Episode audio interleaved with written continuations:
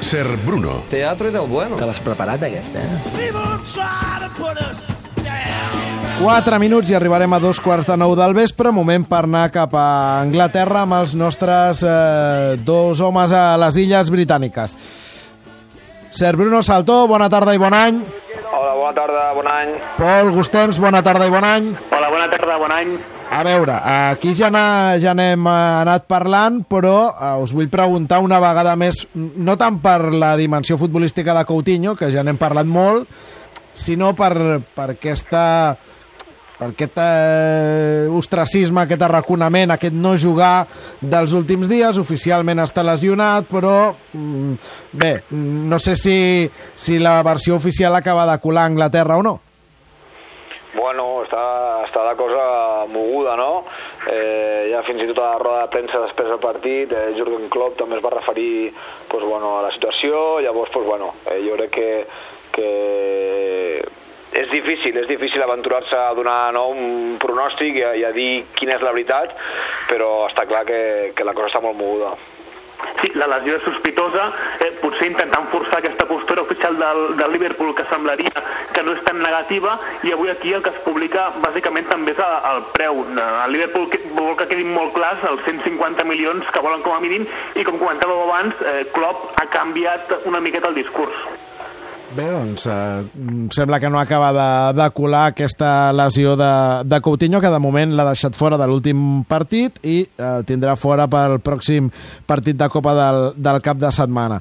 El que ha vist trencada la seva ratxa de, de victòries consecutives és el, el Manchester City, però ho dèiem a l'inici del programa, segurament el que eh, deu amoïnar més eh, Guardiola és aquesta lesió de, de Gabriel Jesús, tot i que pot ser que només quedi eh, per un mes, no, Pol?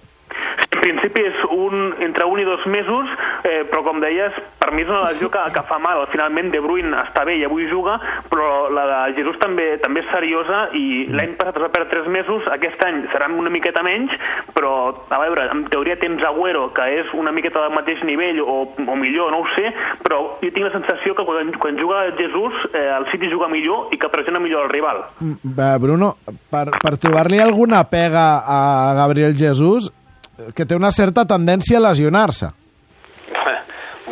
Veritat és que, que les lesions que ha tingut eh, pues han sigut, aquesta ha sigut per un... Eh, va relliscar, sí, un, va un, un, un mal gest, llavors pues, bueno, eh, és complicat no? de, de, de poder dir que és un jugador que es lesiona fàcilment, però bueno, ha sigut dues lesions que ha tingut que, que, que no és que siguin molt, molt importants, però que sí, lo suficientment importants com per apartar-lo eh, durant un temps eh, considerable, no?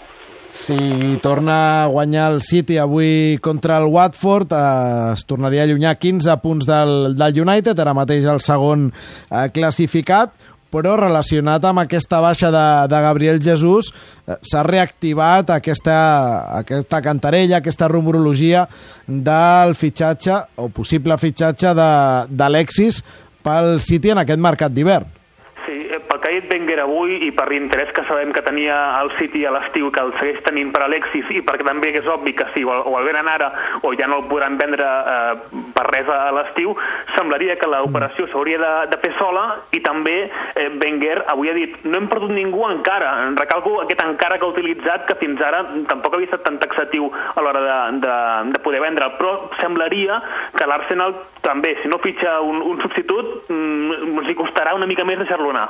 Ja, uh, Bruno, m'imagino el City uh, imparable d'ara a sobre amb Alexis, probablement el millor davanter de, de la Premier en l'últim any, uh, hosti, es fa impensable que no, que no guanyin la, la Premier. No, la veritat és que, que bueno, reforçar encara més una plantilla d'aquest altíssim nivell, no? Com deies abans, eh, amb la lesió de Gabriel, de Gabriel Jesus, eh, estàvem veient el partit nosaltres mm. del Crystal Palace City i quan es va lesionar i veiem Agüero que anava a entrar, era una mica el riure, no? Allò que dius, perds un jugador pues, que t'entra un altre que, que, que és un autèntic crack, no? Llavors, pues, bueno, una plantilla que on està molt ben compensada, eh, que tenen dos jugadors per posició, com li agrada a Guardiola, pues, bueno, aportar encara més eh, qualitat, més pólvora, eh, caràcter, eh, bueno, pues tot el que pot aportar, aportar Alexis, jo crec que fa pues, encara més temible el City.